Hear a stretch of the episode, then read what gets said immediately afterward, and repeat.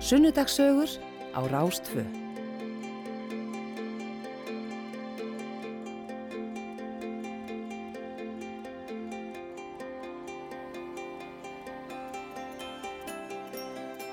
Já, við heyrðum þarna í PJ Harvey með lagi Good Fortune.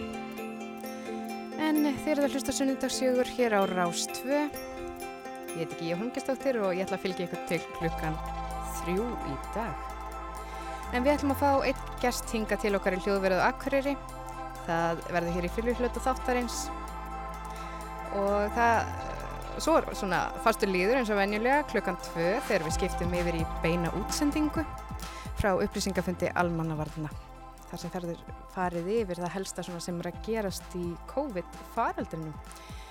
En uh, þanga til, við skiptum yfir í fund almanvarna, þá ætlum við að hafa það svona hugulegt hérna saman í sunnundögssögum og gestur minn að þessu sinni er Vilhjálmur B. Bragason eða Vili Vandraáskáld eins og hann er nú uh, oftast kallaður.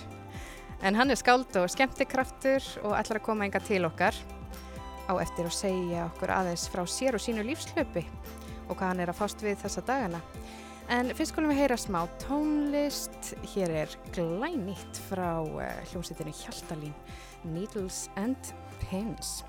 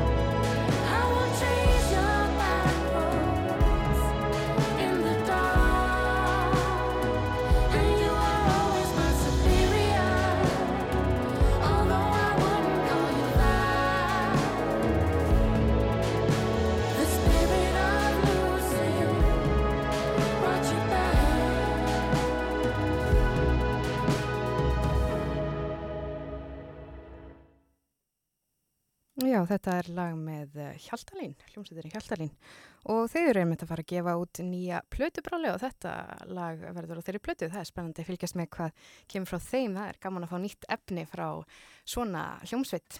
En við skulum kíkja aðeins á veðri. Það er um að gera og förum hérna inn á forsýðu e, eh, veðurstofunar og þar stendur að horfur næsta sólarhingin um allt landi. Það er suðaustan eða sunnan 8-15 metrar á sekundu og rikning og súld með köplum vestan til en slitta í fyrstu um landið norð-vestanvert. Skýja með köplum eða bjartviðri norðan og austanlands. Dregur úr úrkomi vestan til síðdeis á morgun og hiti 5-13 stig yfir daginn. Já og ef við kíkjum svona aðeins inn í vikuna, svona fram í tíman, þá eru það hérna hita tölur sem blasa við. Það er hérna, já, það ætti nú að að losa þessum snjóin sem hefur verið hérna á já, Norðurlandi og Vestfjörðum og, og víðar. Það er vonandi að það gerist og það er svona vor í lofti myndi ég segja og, og við heyrðum það í fréttum minna hérna þann að krían væri komin og svo eru bændurum mitt að tala um að áburðabílarnir væru mættir á sveiðið og þá taka hjörtin í mörgum bændum alveg hoppa af gleði. Það er lóan og áburðurinn og, og krían. En eh, við heyrum hérna aðeins lag og svo kemur hérna hann villi vandraðaskál til okkur allar að, að ræða við okkur. En hér er fyrsta ástinn.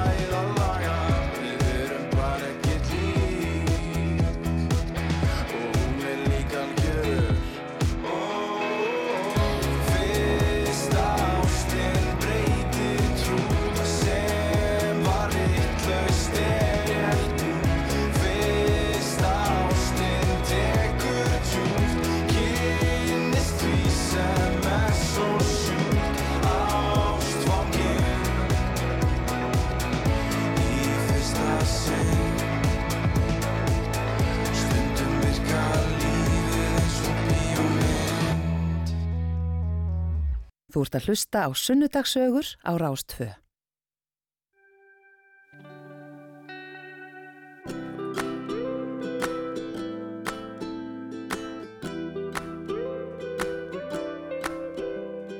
Broken bottles on the bedroom floor. Sleepless nights, no love, no more. You pull me in so you can shut me out again and again and again.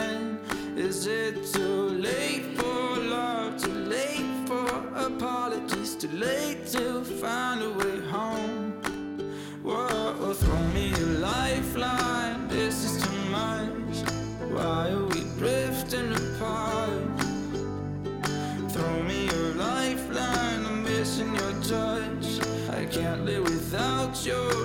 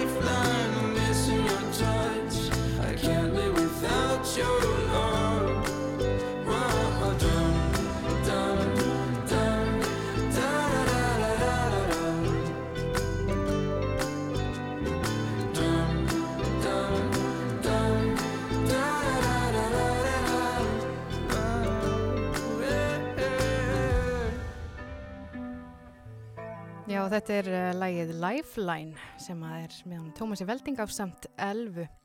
En við heldum áfram hér í sunnundagsögum á Rástu og hjá mér er sestur. Hann Vilhjálmur B. Bragason, skáld og skemmtikraftur eða einfallega vandraðaskáld. Vertu velkominn. Kæra þakkir, gaman að vera hérna með þér. Já, þú er eiginlega að segja aftur kæra Já, þakkir. kæra þakkir og ga- gaman að vera hérna með þér. Takk fyrir bóðið. Það var aðeins þarna ruggli með hljóðunum. Hljóðunum hana, já, já, það getur En nú komið fyrir. Það getur nú komið fyrir. En við skulum uh, svona uh, tala aðeins um bara sunnudaga. Sunnudagsmorna, þetta er nú sunnudagssögur. Uh, áttu þér eitthvað svona sérstaka rútínu á sunnudagsmornu? ekki kannski beinlínis sko, ég vakna ekki til þess að gera einhverjar svona eiginlegar æfingar eða hugleiðslu eða svoleiðis en hins vegar bara að því maður er svo mikið að, að skemmta og, og, og veistlustýra yfirleitt um helgar og, og lögataskvöldum kannski sérstaklega þá eh, myndi ég segja almennt sé að þeir eru sunnudagarnir mínir frekar afslappaðir og bara ekki of, of stíf dagskrá, bara helst engin dagskrá Já, já. Og var eh, þetta afslappaður söndagsmorgun í morgun? Já, mjög svo. Það er náttúrulega ekki um auðvan garda gresja í skemmtunum um þessar myndir, þannig að, að ég var nú bara í frí í gerkvöldi eins og, eins og flestir aðrir. Já, en segð okkur bara svona smá áður en við förum svona í uppvakstar-árin og það allt. eh, Þú ert skáld og skemmtikraftur.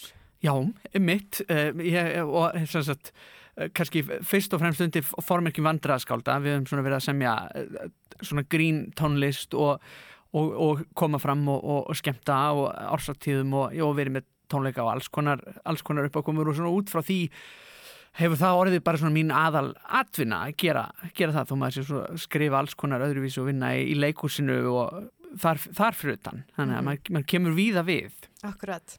En nú förum við aftur í fortíðina Já, já. og ætla aðeins svona að rekja úr það gardina Já. hérna.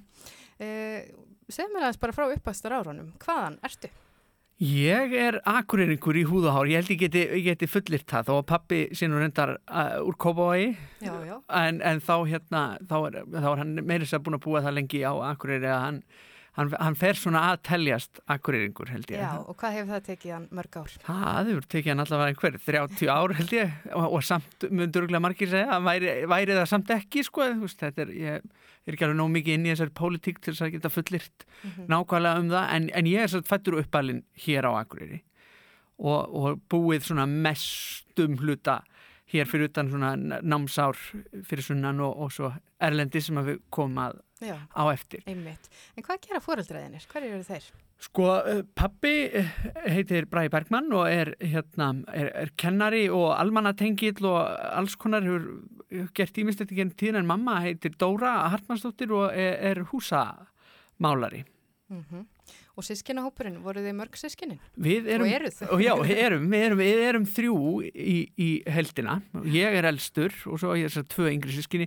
Snæpit bróður minn er, er ári yngri heldur en ég og svo á ég sýstur sem heitir Ingeborg sem er fimm árum yngri. Já, já. Og elsta eh, barnið, það hefur nú verið svolítið notalegt. Já, Eða já, já, hvað? já, það er allavega, þetta er valda mikið embætti að vera elsta barnið, það er svona maður tekur sér allavega alls konar völd sem maður ætti kannski ekki endilega að hafa Já. en, en ég er mjög þakkláttur fyrir það hlutverð sem ég held að móti mann mikið að fá að stjórnast í sískinum sínum og, og hafa áhrif á, á þau og þau þetta á mann á móti. Já. En uh, hvernig ertu fættur? Ég fættur 88 Já. og um, já, En hvernig var þá Akureyri svona á þínum uppvastar árum þarna?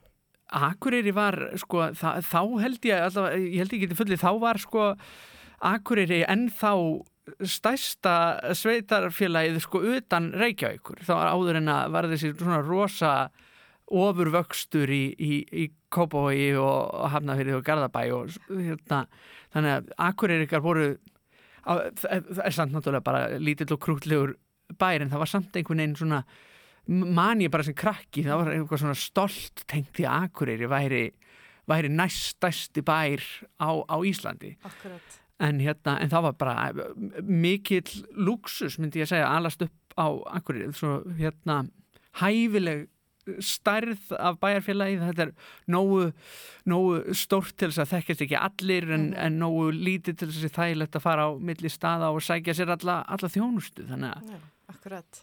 En uh, hvernig barn varstu? Hvernig svona karakter var Vilhjálmur vandræðaskald þegar hann var ungur hér á Akureyri? Ég held að ég geti fullirt að ég hafi verið frekar svona undarlegt barn bara og það hafi komið í ljós frekar, frekar snemma. Í, í fyrsta lagi þá fór ég mjög snemma að tala og, og hafði fullónislegan orðaforða sem ég veit ekki alveg hvaðan, hvaðan kom sko því að kannski tengist það eitthvað bara umgangast sko ömmur og afa en, en, en samt ekki einhvern veginn að fullu því að ég var bara svona ma- hérna, skildfólk mig til þess að ég hljómað bara eins og einhver afdala bóndi stundu þú veist tveggja ára gamall Já, já.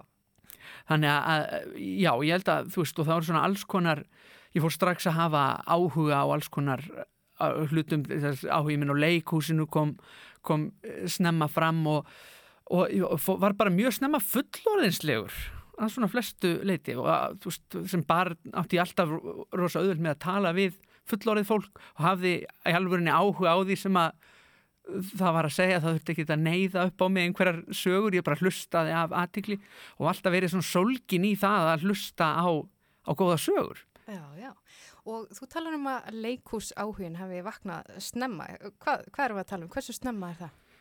Ég held að, að það, hann kviknaði svona fyrir alvöru þegar að við vorum fjölskyldan einhvern tíðan fyrir uh, sunnan uh, í heimsókn hjá föðu fjölskyldunni og, og uh, fóreldrar mínir fóru með okkur bræður í þjóðleikúsið að sjá dýrin í hálsaskói og, og þar sem að sko Örn Átnason og Siggi Sigurjóns voru að leika eh, Já, já. hérna Lilla og Mikka Ref. Og og ég varð bara, áður en sýningin byrjaði, varð ég fyrir alveg gríðarlegum hughrifun og, og, og, þetta verður örugglega verið pínum vandræðalegt fyrir foreldrar mína því að ég er þannig hvað fjóra, fjóra ára gamall eða hvað hann var e, stoppa í gættinni inn í e, stóra salin í þjóðleikúsinu þegar ég sé salin, sé stuðlabergi í loftinu Já. og baða út höndum stoppa alla aðra í gættinu og segi drottin minn, leikhússalurinn. Og samt eh, kem ég ekki af mjög trúið heimilið að neitt að þetta var bara svona upprópun sem kom til mín garinnlega á þessu augnabliki og það svona held ég sló svolítið tónin bara fyrir minn leikhús áhuga. Já, og greinilega hrifnæmur með eintæmum. já, já, já, já, já, ekki spurning ekki spurning, En mannstu eftir hvernig þið fannst sýningin? alveg frábært og það frábæra að, ég bara ára á eftir var ég að gera mitt besta til þess að reyna að sko endur skapa þessa töfra sem að eh, ég var vitni að þar. Já, og, og neytti bróðu minn til þess að að taka þátt í, í því að, að leika dýrin í hálsaskóið eftir minni bara upp á, á skrifborði hjá ömmu. Já. Og, og hann greið dæmdist alltaf í að það er kannski ekki eins mikið áhuga á þessu og ég en ég náttúrulega réði sem eldri, eldri bróðirinn þá náttúrulega var hann bara að fylgja á eftir Mm. sko sem eh, var bæði gott og, og, og slæmt. Ég byrjaði til dæmis mjög snemma sko að tala fyrir okkur báða bara. Já, ég vissi náttúrulega hvað okkur báðum var fyrir bestu þannig að það var eitthvað óþarfi að hann væri að blanda sér í, í málinn þegar ég gæti svo auðveldlega leist þetta fyrir okkur báða og, og átti, það er eiginlega mér að kenna hann til dæmis átti framan í erfileikum með að segja R og sagði alltaf sko L í staðin fyrir fyrir R, gæti ekki eins og sagt nafnið sitt, Snæbjörn. Og, hérna, og, og það er mitt til dæmis þegar við vorum að reyna að endurskapa dýrin í hálsaskói þá vildi ég að hann leki lilla klifum úr því að mér persónulega fannst mikið refur miklu meira djúsi hlutverk og, og vildi þar alveg leika það og svo kemur að því augnabliki í, í síningunni að, að Lili Klifumús á að segja "Æ, þarna sé ég í, í skottið á, á refnum. En bróður minn segir náttúrulega þarna sé ég í skottið á, á lefnum. Að og ég neittist hreinlega bara til þess að stöðva sýninguna og útskýra fyrir áhörundum ömmu að, að þetta var miskilingur að hér ætti náttúrulega klálega að vera refur en ekki lefur. Og, og og hann hefur nú svona nokkuð deginn beðið spætur held ég að þurfa að taka þátt í þessu en, en Já, hann er talandi í dag. hann er talandi í dag og bara bjargar sér merkilega vel Já, og ekkert að rugglast á erri og elli. Nei, nei, nei, nei, það, það, er allt komið. Já, það, það er liðin tíð En uh, já, þú ert þarna, fættist snemma þennan leikús áhuga og, og helst það svo, Já, í framhaldinu sko verði ég alveg óbóðslega þyrstur í að komast í leikús og, og ekki bara á sko barnasýningar, alls ekki eiginlega því að bara eiginlega, ég hugsa bara veturinn á eftir þá hérna fyrir norðan, þá vildi ég Olmur og uppvæður komast í leikúsið og fór á alls konar fullorinsýningar, ég man ég fór á og sem fóreldur mínu leist ekkit á sko, en ég fór með Ava á, á óperu draugin og hérna sem að þau, það voru allir búin að spáði að ég myndi koma heim í, í hlénu bara því ég er því svo hrættur þannig að fimm ára gamalt barn en alls ekki, ég er satt hugfangin allan tíman og, og mér sérlega eftirminnilegt að farið að sjá þar sem djöbla Eian Rís þar sem Sigurvei Jóns leik hlutverki sem hún leik svo í bíómyndin sem hann gerð síðar. Ég, ég man rosa lítið eftir síningunni ég man samt eftir því hún skvetti kaffi á, á sviðið og þetta var bara með eitt af það magnaðasta sem ég hef séð á, á þeim tímapunkti. Akkurat. Og já, svo ferða nú sjálfur að leika bara akkurat á þessu sviði, sviði samkómuhúsins hérna á Akureyri. Já, jú, það passar að svona þessi, þessi leikhús áhí og, og, og tjáningar þörf mín er, er, rýmuðu ágætlega saman og, og þetta tók maður strax þátt í, í skólaleikritum og svona í, í fyrstu bekkjum grunnskólans en, en svo var það fyrir tilstilli að það var sagt, uh, tónmentakennari í, í, í brekkuskóla eða þar sem ég var nefandi sem byggi söng sem að bendi mér á, á það að það væri áhörnapröfur fyrir hérna, söngvaseið sem að leikvel Akureyra var að fara að setja upp í, nýjuppgerðu samkomúsi uh, veturinn 98 og hérna, eh, 97-98 og ég sló til og fór í áhörnapröfunar og, og landaði hlutverki þannig að allt í einu var ég bara komin á, á svið atvinnuleikur sjálfur, bara, bara barna aldrei. Og hvað varstu gammal? Ég er þannig hvað, 8-9 ára? Já, Já. já, það er nú engin aldur. Nei, Til þess að fara að taka þátt í sinni fyrstu atvinnu síningu. Nei, nei, en það var það rosa góður skóli Já. og bara, og þetta mikið álag og, og ma maður var oft erfiður í skapinu á æfingartífabilinu þegar heim var komið sko, aldrei í leikúsinu bara þegar þetta bitnar allt svona bara á fjölskyldurum hans. En hvaða hlutverki landaður þannig? Ég leik þess að yngri strákin, hana, Kurt, Kurt von Trapp. Uh, og hérna í, í sagt, gríðarlega fjölmenn, fjölmenn síning og, og rosa metnar í þess að því að Symfóniuhljómsveit Norðurlands var með honni í, í grifjunni ég, í dag svona vitandi eftir að hafa starfað sjálfur í leikhúsi og skilur maður ekki alveg hvernig þetta hefur gengið upp fjárhæslega en þetta var uppselt á hverja einustu síningu að einhvern veginn hefur þetta blessast akkurat. En svo heldur áfram svona mentavegin, þú klárar hérna grunnskólan. Helst þessi leikara áhuga? Þú ætlaður bara alltaf að vera leikari, var það bara stefnaðín? Já, svona framan af, þá, þá var það bara alveg klárt mála svona, og þetta að taka þátt í sýningum hjá Leikvila Akkurir og tók svo þátt í annari uppfæslu hjá þeim uh, svona gerði það að verkum að ég var alveg staðir á henni í svona það leiti sem ég er að klára tíundabekka, ég ætlaði bara að klára mentaskólan og fara svo og verða, verða leikari en, uh, en, en ákvað samt einhverja hluta vegna sko að því að, að í sagt, undir lók grunnskólans er ég að byrja að fykta við að skrifa og, og, sagt, og yrkja og alls konar svona að ég ákvaða að, að ég var búin að vera svo rosalega mikið í leiklistinni að ég ætlaði að kvíla leikara vilja í mentaskóla sem ég gerði þannig að ég var ekkert að leika svo í mentaskólan sem svona eftir á higgja svolítið aðteglisverð ákvörðin sem ég man ekki af hverju ég tók en bara ég held ég að alltaf að sjá sko hvort að áhugin væri jafn sterkur þegar ég kæmi út hinum megin til þess að það væri eh, þess virði að, að, að halda áfram þessa, á þessari vekkferð. Já, en þú ert nú líka farin að eh, já, lesa uppljóð á þessum tíma og svona færa þig yfir í, í svoleiðisáttir. Já, já, já, eh, algjörlega, sko, það reynda sprettur að hluta til, sko, út úr leikhúsinu, því að uh, Þráinn Karlsson, vinnu minn, heitin leikari, algjör stórmeistari, hann, hann hafi gert mikið af því að fara og lesa upp á, á elliheimilum og svona, og, og hérna, og gefi þá vinnu náttúrulega, og svo hann svona, kannski nefndi ekki að fara eins og oft eins og hann hafi gert á þannig að hann talaði við og spurði hvort hann mætti ekki benda þeim bara á mig, hvort ég væri ekki til í að koma og lesa fyrir gamla fólki sem ég fór að gera svo í, í vaksandi mál. Og það var alveg frábær skóli líka því að þar upplifiði maður svo stert hvað skáldskapurinn uh, og, og ljóðinn og, og getur haft mikil áhrif á fólk bara að hitta algjörlega í hjartastað, hreift við því og, og já, það, ég, það var ótrúlega magnað að fá að, að prófa það. Já, þú talar hérna um, uh, já, uh, þú hérna mjög ungur. Hvað ertu gammal að lesa uh, fyrir? Ég er bara svona 13, 14, 15 ára Já. þegar ég er að byrja á þessu. sko. Það hlýtur að hafa verið áhrifamikið fyrir svona unga mannesku að gera þetta. Virkilega.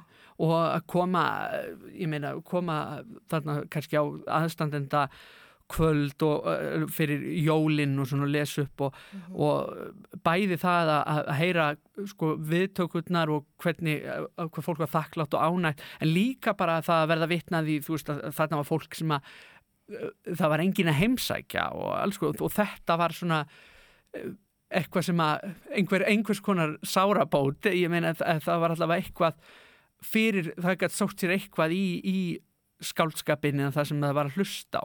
Að það, þó að það, það væri náttúrulega ótrúlega sorglegt að, að, að, að það sé til fólk sem að hérna, er, eru svona einstæðingar. Mhm. En uh, já, svo kláraru mentaskólan á Akureyri og, og þú gerði svona hlýja og leikara drömnum þínum. Já, En hvað hva tekur þér svo fyrir hendur?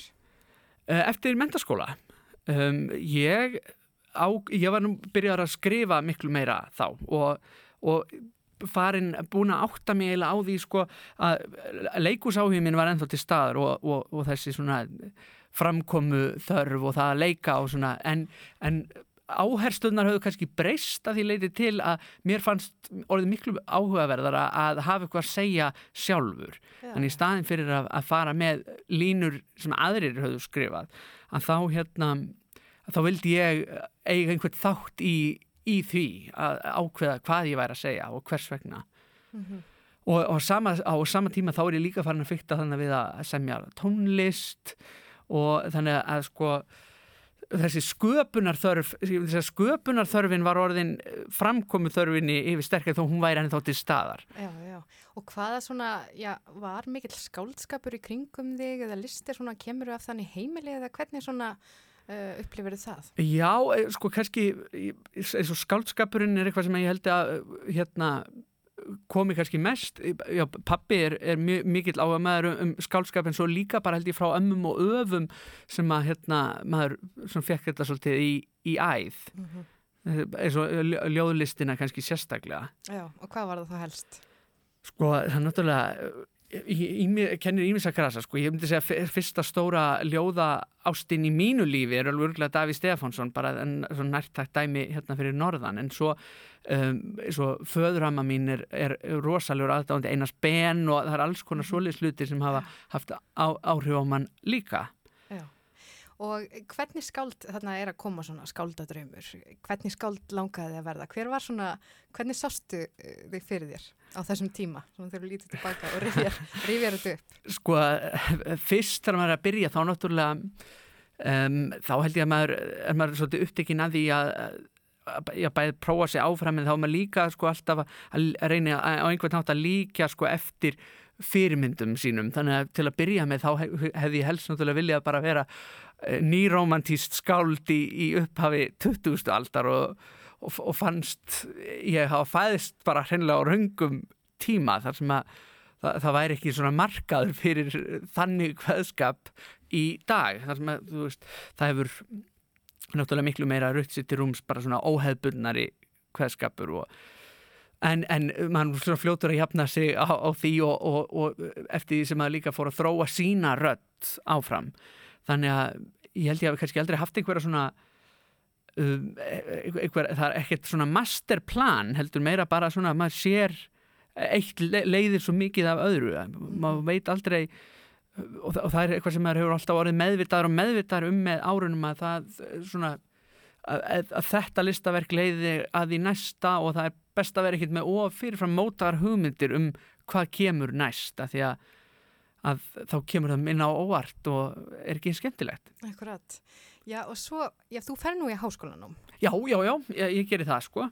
Ég ákvað, það var eiginlega svona, tve, ég, það verður að vera einhvers konar bókmentir og sem að ég vildi læra og ég var að tókaðist á í mig hvort ég ætti að fara í íslensku eða ensku, ég búin að, var búin að lesa líka mjög mikið á ensku og alls konar höf, enskir og írskir höfundar sem að höfðuðu sterkt til mín um, og enskan varð ofan á endanum þannig að ég fór sérst í, í HÍ í ensku, það var svona næsta skref en, en kannski var ekki með hugan endilega alltaf við, námi var svona meira kannski bara leita á það sem afsökun til þess að vera að skrifa meðfram náminum. Já. Og uh, varstu þá að dunda þér við hvers konar skrif? Uh, aðalega, þarna var ég svona búin að setja stefnuna svolítið á leikhúsið aftur. Og eh, þarna um, um þetta leiti þá sagt, stopnum uh, við nokkur saman hérna á Akureyri leikhóp sem heitir Þykista sem hefur nú reyndar ekki verið starfandi núna í nokkur ár en og, og, og ég skrifa svona mitt fyrsta leikrit í fullri lengd fyrir þann hóp. Það var hérna Uh, svona existential svona tilvistar heimsbyggis gamanleikur sem hitt og svo bankað sem að Greta Kristín Ómarsdóttir vinkona mín leikstýrið og það var alveg einstaklega skemmtilegt uh, verkefni og, og kom manni held ég svona endanlega á bragðið með að þetta væri það sem mann langaði til þess að, að gera. Já, en svo er það, já, þú ferð þannig í ennskuna frekar heldur en að fara í íslenskuna og, og já, þú sagði mér áður en að við hérna, fórum í lottið að breskur kúltúr nú eitthvað sem að svona höfðaði mikið til þín. Já, já, hvað, já. Hvað er það við breytana sem að Það er skemmtilegt? er, sko, það hefur verið bara frá því að hérna, ég var barn sem að, að þetta hefur eh, svona átt, átt hjarta mitt, breskur kultúr. Ég ve- veit ekki alveg nákvæmlega hvaðan það kemur. Ég held að mér finnst svo skemmtilegt sko hvernig það tógast á í breskum kultúr svona þessi þessi f- formleg heit og svona dálítið stífleiki annars vegar og svo hins vegar þessi svona einhver kræmandi uh, húmor og, og, og sem, að, sem er að reyna að brjótast í gegnum þennan stífleika. Þetta, þessi tókstreita sem verður til út frá þessum öflum, ef við getum orðað þannig, ég, það er held ég það, það er það sem að heillar mig. Já, en svo ferðu nú sjálfur til Londonum mitt, þarna í, Já, einmitt, ég, já, ég, í bíanáminu þá sem sagt tók ég síðasta árið í, í skiptinámi við hérna, University College í, í London og þá, það var, það, og þar með rættist gamalt draumur um að búa í, í Bretlandi. Og það var alveg, alveg, alveg stórkoslegt að, prófa það og líka bara að prófa að búa einhver starf annar starf heldur en á Íslandi sem er Já. opaslega hollur og góður skóli. fannst þér þessi dvölðin þarna í London breyta þér? Já og nei, já, ég held að hérna, hún, eh, hún, ég, hún opnaði augumann sko á annan hátt eh, heldur en maður átti, átti vona. Ég held að það er sko ein- eins með það eins og listaverkin að, að maður hefur einhverja svona fyrirfram hugmyndir en, en það sem gerir svo rýmar ekkert alltaf endilega við, við þær en, en það var mjög holdt að, að prófa bara að uppgötva sjálfan sig svona í aðeins öðru samhengi. Ég held að það er það magnast að við að prófa að búa í útlöndum er að allt í einu ertu komin á stað þar sem að enginn þekkir þig og þá, þá sért en þá sama manneskjana þá einhvern veginn hefur sveirum til þess að leggja áherslu á aðra hluti heldur en fólk þekkir heima. Já, og hvernig upplýður London? London er eh, magnaður staður eh, af því að hún er svo ólík sko það bara hver, hvert þú ferði í London, hvar þú býrið hefur alveg óbáðslega mi mikil áhrif á, á bara sín þína á borgina. Í rauninni er þetta eh, mörg þorp og, og, og bæir sem hafa sagt, bara sapnast saman undir þessu reglívar hugtæki sem er London en ég til dæmis tók þann pólinn í hæðina að ég, ég bjóð sér satt mjög miðsvæði, þannig að ég upplýði svona miðbæjar London taldi mikið að, en svo, þekki ég marga Íslandíkar sem hafa búið hérna já, meira kannski í útkverfunum og, svona, og þá ertu þekkja borgina þar að lendi allt öðruvísi bara ekkit minna heldur en ég heldur en bara á annan hátt þannig að Mm Akkurat. Og þannig að skrifa og þú ert aðeins að feta þig í, í tónlistinni, Já. allt að gerast. All, já, það er alltaf ekki, tónlistin einhvern veginn fer að, skipa alltaf meir og meiri þátt hjá mér og ég byrjaði eiginlega sko ég held að upprunlega fór ég að nota hana sko meira sem hjálpartæki í, í skrifunum, ef ég festist eða var ekki að fá hugmyndir að þá settist ég við píanóið og alltaf að losa um, um flækjurnar í, í hausnum á mér en, en svo bara uh, fór að verða til svona alls konar hliðarafurðir ég fór að semja miklu meiri tónlist og og, og áður maður veit af er það einhvern veginn norðir aðal atvinnugreinin hjá manni Já. Að vera bara einhvers konar uh, sagna skáld í rauninni. Eins, eins og vandra skáldin eru svolítið. Já, eiginlega og, og maður áttaði sig líka á því sko, talandi svona um eh, þetta að vera fættur á, á raungum tíma og svona með að hérna að, að það er náttúrulega miklu auðveldara að koma textum til fólks í, með ef það er lag undir. Að fólk hlustar miklu, það er miklu stærri markaður, það hlustar allir á tónlist en það les ekki allir ljóð. Þannig að, að sem leið til þess að koma því sem þú ert að hugsa eða pæla til fólks þá er það þetta miklu uh, sko betri aðferð ef þú ert bara að hugsa um það að koma því til sem flestra. Akkurat. En við skulum taka okkur núna aðeins uh, auglýsingar hlje. Við erum hérna í sunnundagsöfum á Rástöð, er hann Vilhjálmur B. Bragason sem að situr hérna hjá okkur, vandræða skáld. Og uh, við ætlum að heyra hérna eftir auglýsingarnar lag sem er mitt þú valdir og við ætlum að, að tala um það uh, á eftir. En við verum hérna eftir smástund.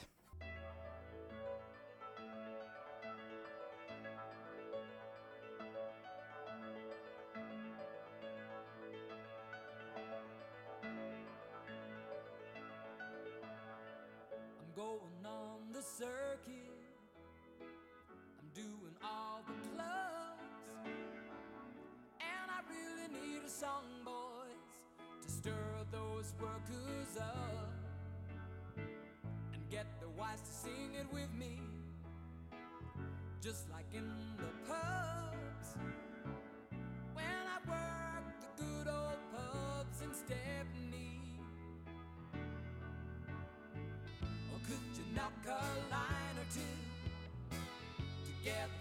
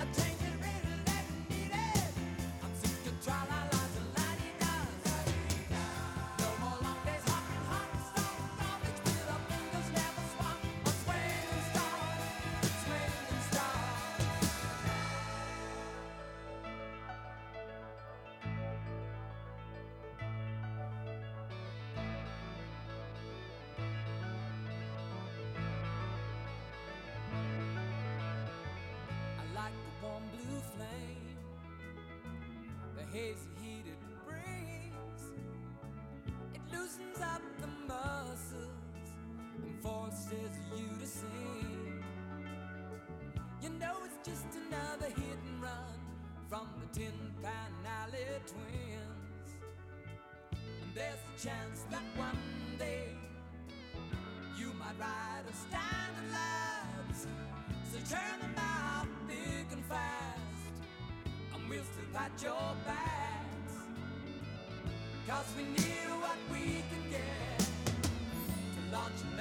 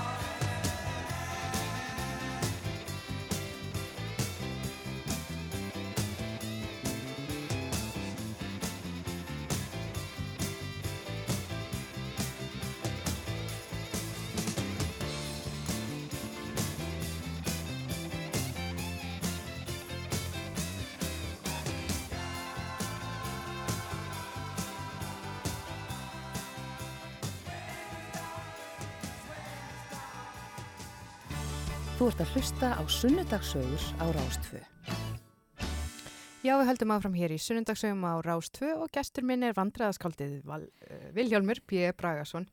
Og þetta lag sem við vorum að hlusta á, þú valdir þetta sérstaklega fyrir okkur. Já, ég, ég hef aldrei þetta ganið. Þetta er Elton John um, að syngja um betra fingur, að syngja um það að, hérna, að þurfa að semja lög fyrir aðra, þetta er svona sjálfsæfisögulegt lag um, og, og ég vera, já, vera fastur í því hlutskipti að, að semja sem sagt, lög ofan í aðra og lög sem þið langar ekki til þess að semja en, en lagið er samt svo hrest og skemmtilegt og Einmitt. mér finnst það svona gott dæmi um það hvernig maður getur leikið sér að því að að, að, að sko lag og texti svona, það er oft skemmtilegt þegar að lagið, ef textin er sorglegur að lagið er mjög hrest eða, eða öfugt Já, þetta er nú svolítið einkennandi fyrir brest grín. Það eru svona þessar andstæður og, og já, þessi undirliggjandi kaltæðin. Akkurat, akkurat, það liggur ekki endilega á yfirborðinu Nei. Og þetta tala svolítið til þín. Algjörlega, algjörlega sko og, og Eldon er þetta bara yfir höfuð er, er sennilega svona sá tónlistamæður og, og einn af þeim listamenn sem hefur haft hvað mest áhrif á mig í lífun þannig að mér finnst það bara við þetta geta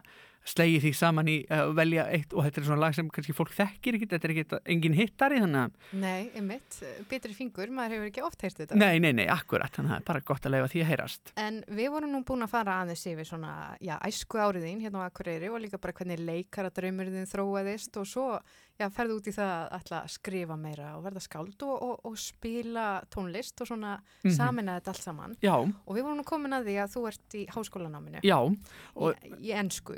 Ennsku, já, og, og ég, það, því lauka eiginlega með því, sko, ég loka mér verkefni mitt var að þýða uh, leikrit eftir hérna, Nobelskáldið Harald Pinter, No Man's Land, yfir, sem aldrei verið þýtt yfir íslensku. Uh, og satt, í framhaldinu ég var svo sem að, að því maður var náttúrulega það mikið bara að skrifa og, semja ég, ég hugði sjálfu sér ekkert á eitthvað endilega meira nám eftir það en uh, leðberandin minn í, í því verkefni mikill leikhús maður og, góðu vinnu minn sem er nú fallin frá síðan Martin Ríkal, hann kvatti mig eindreið til þess, hann sagði þú veist að það væri eina vitið fyrir mig að sækja mér einhverja meiri mentun og helst sko, leikústengda mentun bara upp á að auðvelda það að fá styrki fyrir verkefnum og það bara, bara ansinn væri orðin þannig. Þannig að svona þess vegna ákvað ég að sækjum ég hugsaði sko, mér langaði ekkert endilega í meira náminn, ég hugsaði ég sækjum allavega í, í einum skóla og ef ég kemst inn þá kemst ég inn en ef ekki þá bara þá látum við það bara vera þannig. Og, og sótti þessuna um í, í skóla sem ég gengi fram hjá hverjum degi uh, meðan ég bjóði til London sem heitir RADA Royal Academy of Dramatic Arts. Þeir bjóðu upp á, á mastersnám í, í leikritun og leikbókmyndum.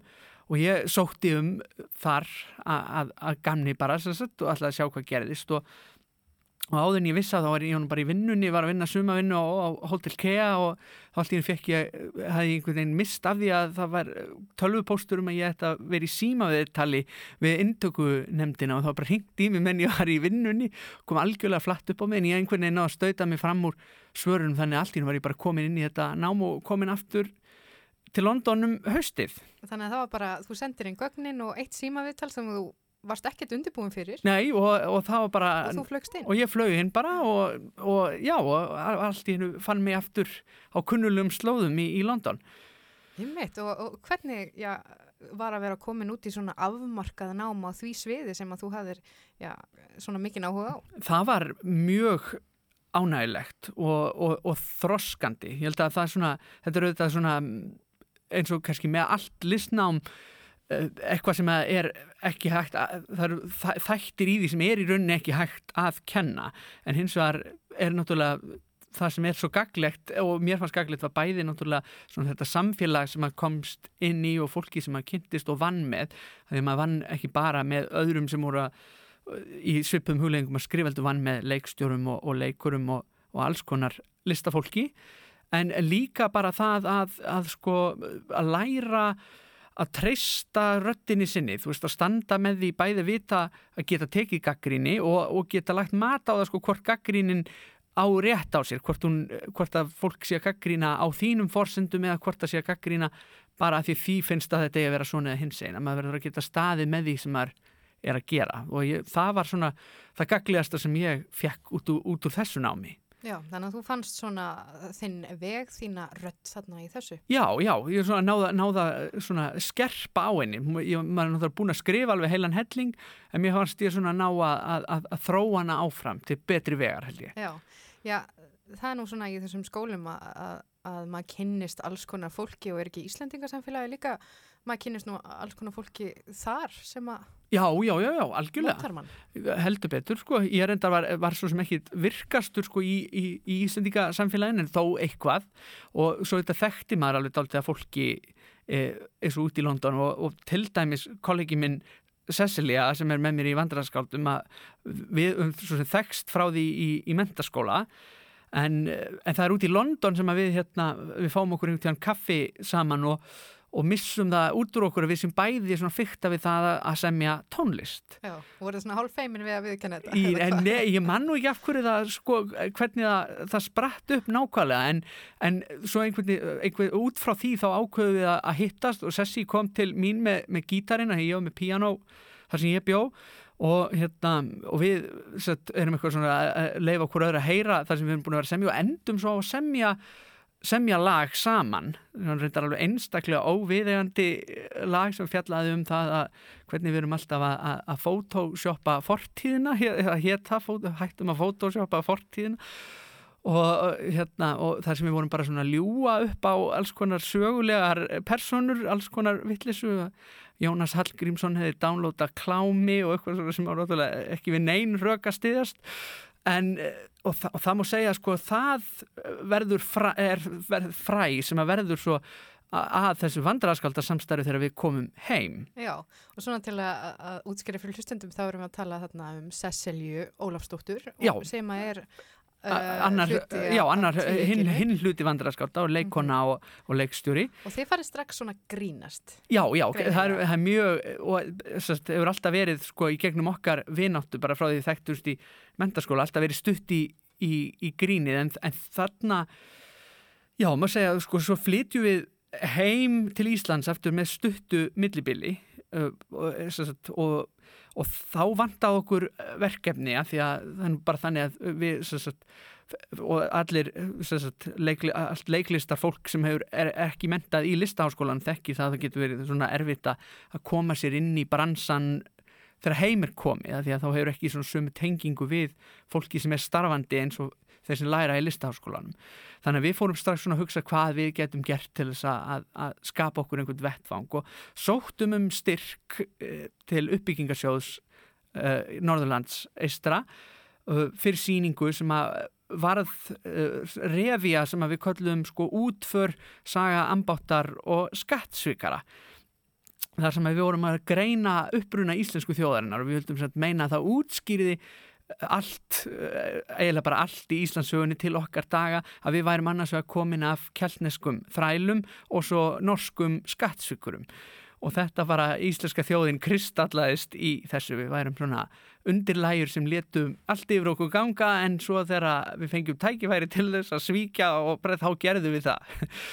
Og, og, og við söndum síningu út frá þessu þar sem að ég leik skattsjökaran og Sessi leik uh, þrælinn og undir formerkjum vandrarskálda, þarna verður vandrarskálda nafni til Já. og, og svo síning sló þannig í gegna í framhaldinu fór fólk að hafa samband við okkur værið til í að koma og, og spila hérna í já, ammæli þannig byrja boltin að rúla. Já, En ég verð að spyrja því, áður en að lengra er haldið, vandræða skáld. Þetta er, þessi titill er skemmtilega svona, já, eru þið svona vandræðaleg eða, eða valdið í vandræðum? Hva, hvað Nei, kemur þetta er nefnilega, það er nefnilega skemmtilega, það er já, bara allt í runnið og það er eiginlega ástæðan fyrir að við völdum það, þetta var svona marglaga nafn. Nafnið er hins vegar komið frá, það var uh, söguleg fígúra sem hétt Hallfreður vandræðaskáld og ástæðan fyrir að við þekktum það var að við bæði aðdándu Daví Stefánssonar frá Fagraskói og hann orti mikinn ljóðabálk sem heitir Hallfreður vandræðaskáld. Þannig að þaðan, uh, það er frá Daví Stefánsinni sem að vandræðaskáldanafni kemur í raun og veru. Já, já, en svo fannst okkur það bara rýma svo vel að því að við náttúrulega erum til tómra vandræða og er alltaf að syngjum svona eh, oft með beitta þjóðfélagsádeilu og eitthvað svona sem að leggst kannski stundum, eh, sumir eru við hvað maður er fyrir en aðrir. Já. Og já, þið eru nú ekki bara skemmta svona ofinberlega, þið gerir líka mjög mikið á netinu, eru með svona vídeo, uh, Já, eh, einmitt, við, höfum se- sett inn á, sko, inn á Facebook síðu vandræðaskálda, höfum við sett myndbönd í gennum tíðina. Og það er í rauninni eh, eftir sagt, útför, í, í útför var eh, lagið um lánasjóð íslenskra námsmanna, þar sem við reyndum að draga það saman í einu lagi, hvernig það er að eiga við, viðskipti við, við lín sem að margir tengdu við og við settum það á net og það er eiginlega svona fyrsta lagið sem við settum þar sem að varð svona væral eins og fólk segja, það fór mjög víða, fólk dreifði þessu alveg hægri vinstri og það er eiginlega lígilegt hvað sko lögin okkar þannig að við höfum aldrei gefið út plötu eða svoleiðis en, en lögin okkar á Facebook eru með rosalega mikið áhorf með að þetta er alltaf íslensku þannig að ekki eru útlendingar að horfa en við erum með sko yfir miljón áhorf á Facebook þannig að það er rosa mikið. það er mjög mikið, það er bara þrísvarsinnum íslenska þjóðin Já. Hvað he- hef, hafa vandræðaskóld verið lengi starfandi? Við eigum sem sagt fimm ára starfsamæli núna í, í sumar í rauninni. Við byrjuðum að undirbúa síninguna um sumarið fyrir fimm árum og, frumsýndum útför fyrir fimm árum í haust. Sko. Já, já, og allir að gera eitthvað svona e, á því tilefni. Í Við þurfum eiginlega að halda upp á það með einhverjum hætti. Sko. Hvort sem það verður bara tónleika ferðalag eða hvað við gerum, við erum ekki alveg búin að ákveða en það þarf að að hal- halda upp á ammæli. Ma- Já, sko þetta hafa þetta verið mjög erfið tíma núna undanfari fyrir eh, já, fólki í þinni stjætt og ykkar stjætt vandræðaskólda. já. En hvernig sérðu svona, já, framtíðina? Hvernig heldur þau að, að, að það, við komumst út úr þessu og, og þið? Hvernig, Sko, ég held að eh, þe- þetta verður auðvitað kannski, sko, það verður smá aðlögunar tími þegar þetta, gengið yfir. Ég held að svona fólk verður smá stund að, að byrja að faðmast aftur og, og svona, svona ofinberlega held ég allavega. En, en ég held samt að við komum, við komum nú bara sterkari tilbaka held ég. Að sko, bæði náttúrulega hefur maður haft ógrinna tíma og svo ég tala nú bara fyrir mig til þess að, semja og, og, og gera alls konar hluti sem maður hefði ekki annars haft tíma til uh, undir venjulegum kringumstæðum. Þannig að, að, að það verður nóg til af, af efni allavega til að, að flytja. Já, þannig að það má kannski vænta plötu frá vandræðaskáldum svona í tilefni fimm ára. Já, það, geti, það getur allt gerst Ah. sko. Já, það væri margt, margt vittlusar við fáum oft einmitt spurningar um hverju ákveðin lög sé ekki á Spotify eða aðgengileg einhverstar annar starf heldur en á, á Facebook þannig að það væri, það er orðið tímabært að gera eitthvað í því Mm En farið þið út um allt land að skemmta? Nú eru þið bæði búsett á Akureyri en eru þið svona að fara við svegarum landið? Og... Já, við hefum gert alveg tölvert mikið af því bæðið er mitt saman og svo hef ég líka verið daldið mikið bara einn líka og hérna og það er alveg ótrúlegt hvað maður nennir að, að þvælast ef maður er á eigilstöðum við farið á Ísafjörð, Vík í Mýrdal og, og svo mikið í Reykjavík líka og það er og kannski spilar inn í að það er veist, minna oft um það að skemmti kraftar frá Reykjavík nenni að fara út á landi að þú veist, finnst ég að ekki svara kostnaði en það er náttúrulega eins og allir vita stittra frá Akureyri til Reykjavík heldur en frá Reykjavík til Akureyrar Þannig að þið takið svona landsbyða markaðin svolítið. já, já, já, já, Vegna, já, þessar er miklu vegalega. við þess að vera, já En uh, svona, já, talandi bara um framtíðina. Uh, hvernig sérðu þína framtíð? Er eitthvað draumar svona sem að þið langar til þess að rætist fyrir þig persónulega? það er náttúrulega alls konar, já, já, já það er svona ímisverkefni sem maður er með á, á, á taktinum sem að maður vill að hérna, að maður vill sjá blómstra og verða einhverju Uh, ég er náttúrulega mikið að, að skrifa fyrir leikhúsi og vinna í alls konar leikhústengdum verkefnum en svo langar mér líka til þess að, að því maður eru sami fullt af tónlist sem er ekki grín að, að það er til dæmis eitthvað sem ég langar til þess að leggja hans meiri rækt við og koma í einhvern farveg, leifa því að, að, að hljóma einhver starf og, og það, það, já, þannig að ég get alveg séð fyrir mér að, að, að gera plötu eða, eða allavega já, reyna að koma því eitthvað áleiðis. Og, og svo eru svona stærri leikúsverkefni líka sem maður hérna, kannski þú er ekki að segja á mikið um, þú veist, en, en við, til dæmis erum búin að vera að vinna við Cecilia í, í söngleik saman í, í nokkur ár sem ég held að geti uh, verður, verður magna þegar verður tilbúið. Þannig að það er svona ímislegt sem að ég held að hérna, ég, bara, ég er mjög spenntur fyrir framtíð. Ég er bara gott að vita ekki of mikið í hvað röð hlutinu gerast en ég vei, veitir gerast. Akkurat. Já, þetta eru góð loka orð og uh, já, þú ert búin að setja hérna hjá okkur uh, núna í fyrir helmingi sunnundagsagna en það er eitt í viðbót Vilhjálmur B. Bragason, vandraðaskáld sem við þurfum að ræðum Já. og það er lokalægið. lokalagi Þú valdir hérna eitt lokalag Já. fyrir okkur. Segð okkur aðeins frá því. Já, ég, mér finnst uh, alveg dásanlegt að sökva mér onni höfundaverk listamanna og sérstaklega ef ég þe- þekki þá ekki mjög mikið og á síðast ári fór ég svona að kafa ofan í Morrissey og hafði aldrei hlusta náttúrulega eitthvað á Smiths en ekkit þekkt hann sérstaklega og, og hann er alveg magnaður textahöfundur og með þessa silki mjúku rödd og lokalagið er mjög fallegt en textin er alveg hræðilegur því að þetta er þetta er bara svona eiginlega hálfgjört eldi hrellis lag og mér finnst það svo dásanlegt hvað það rýmar illa saman lagið og, og textin og þarna syngur hérna Morrissey með þessari hunansröttum bara hvernig hann færist nær og nær eftir því sem hunsar hann meira sem að hann hefur svo sem líka gert sem listamæður má segja sko að, að hann er er listamæður sem er svo breska þjóðin á í svona ástarhatur sambandi við því hann er mjög umdelt uh, umdelt persóna. En já, mér finnst það bara það er, það er húmor í þessu Já, það er þessi andstæð og tókstreita sem að einkennir líka lægið. Svona eins og við hefur verið að tala um. Akkurat, En við bara þökkum þið kærlega fyrir komuna hinga í Sunnundasögur. Vilhjómi B. Bragason, eh, skáld og skemmtikraftur, vandræða skáld. kæra þakki fyrir mig Takk fyrir og gangiði vel. Takk sem leiðis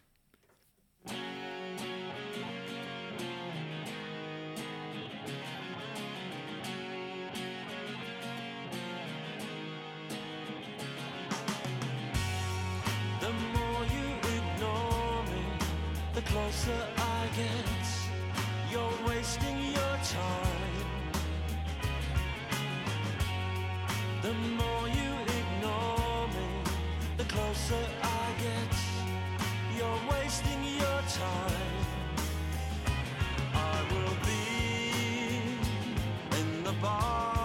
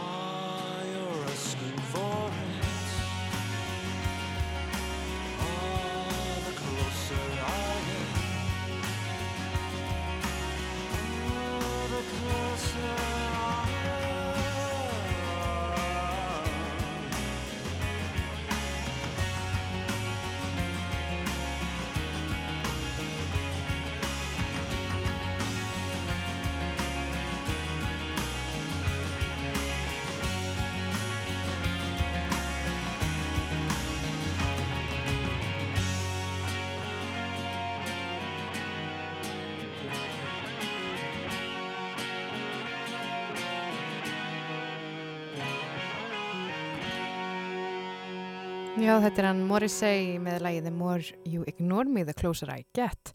Og þetta valdi já, gestur þáttarins í dag. Það var hann Vilhjálmur B. Bragason sem er uh, skáld og skemmtikraftur.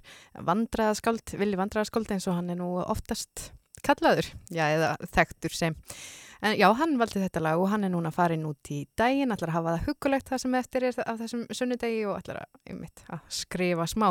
Komið er með leikrit í, eh, í, í vinslu. En það líður að eh, fréttum hér á Rástvö og svo eftir fréttina þá tekur við fastur líður eins og venjulega. Það eru þetta upplýsingafundur almannavarna hér klukkan 2 og við munum skipta beint yfir þangað. En uh, ég heiti Gíja og ég ætla að vera með ykkur til klukkan 3 hér í sunnundagsögum en við skulum heyra smá tónlist uh, þangað til fréttinnar taka við. Rástvö Fyrst og fremst.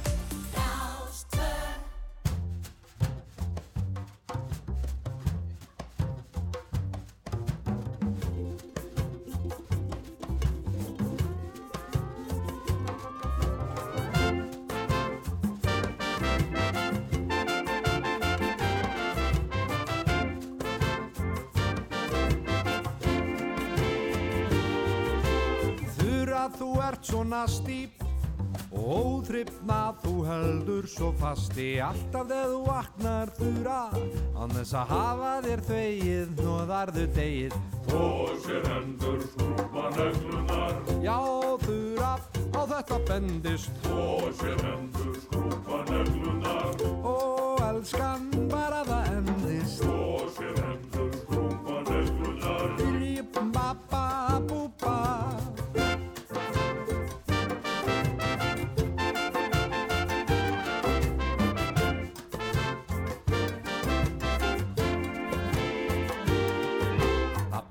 sem morgnan að byrja. Að bón og sópa og bænirna kyrja. Bara svo í morgun sloppinn taka vel til og dæma svo koppinn. Og sér hendur skrúpa neglunar og þurra bara það endist. Og sér hendur skrúpa neglunar mm, vinnan á þetta bendist. Og sér hendur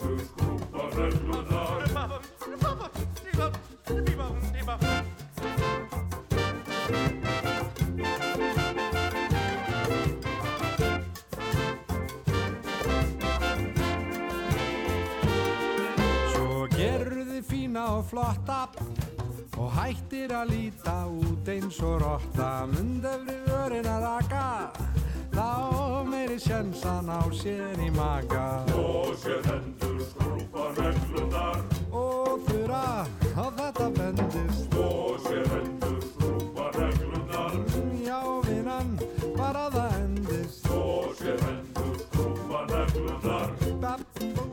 Já, þeir eru að hlusta á sunnundagsögur hér á Rás 2 og eh, við fórum hérna áðan eh, að hlusta á upplýsingafund almannavarna sem er svona fastulegur eins og venjulega hér á Rás 2, alltaf klukkan 2 eða semst eftir uh, 2 fréttinnar og þar fengum við nú að heyra allt það nýjasta af eh, COVID-19 faraldrinum.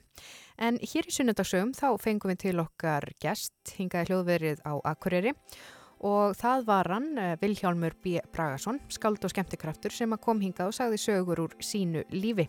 Og hann sagði okkur frá eh, leiklistar áhuganum sem að kviknaði strax uh, þegar hann var bara já, mjög ungur, fjögra ára og hvernig sá áhugi hefur svo tvinnast uh, saman og þróast uh, saman við skriftir og tónlist. Og nú er hann starfandi vandraða skáld, hvorki meir enn minna. Og ég minni á að við tali við hann Villa Vandraðarskáld eða Vilhjálm B. Bragason. Það verður hægt að nálgast það hér í spilararúf strax að þætti loknum. Og inn á spilaranum, eh, ég vil bara benda ykkur á, og þar eru þetta mígrútur af öðru skemmtilegu efni, bæði sjóans og útars efni sem er um að gera að aðtuga og sérstaklega nefni ég þættina sem voru á páskadagsgrá Rásar 2. Eh, Þar má finna ímislegt eh, skemmtilegt og áhugavert. En það sem er framöndan hér á Rás 2 það er tímaflakkið með Bergson og Blöndal sem hefst hér klukkan þrjú. Rokklandi tekur svo við og síðan eftir kvöldfréttinnar, tímyndur yfir sex, þá hefst þriðji þátturinn af, um, já, sem heitir 20. og 1. öldin og það er hann Orri Freyr Rúnarsson sem hefur umsjón með þeim þætti og það er svona farið yfir tónlistar eh, sögu 21. aldarinnar en ég heiti Gíja Hungistóttir er búin að vera með ykkur hér í sunnundagsögum í dag og ég vil bara þakka fyrir mig það er búið að vera notalegt að vera með ykkur og hafið það gott og verið þið sæl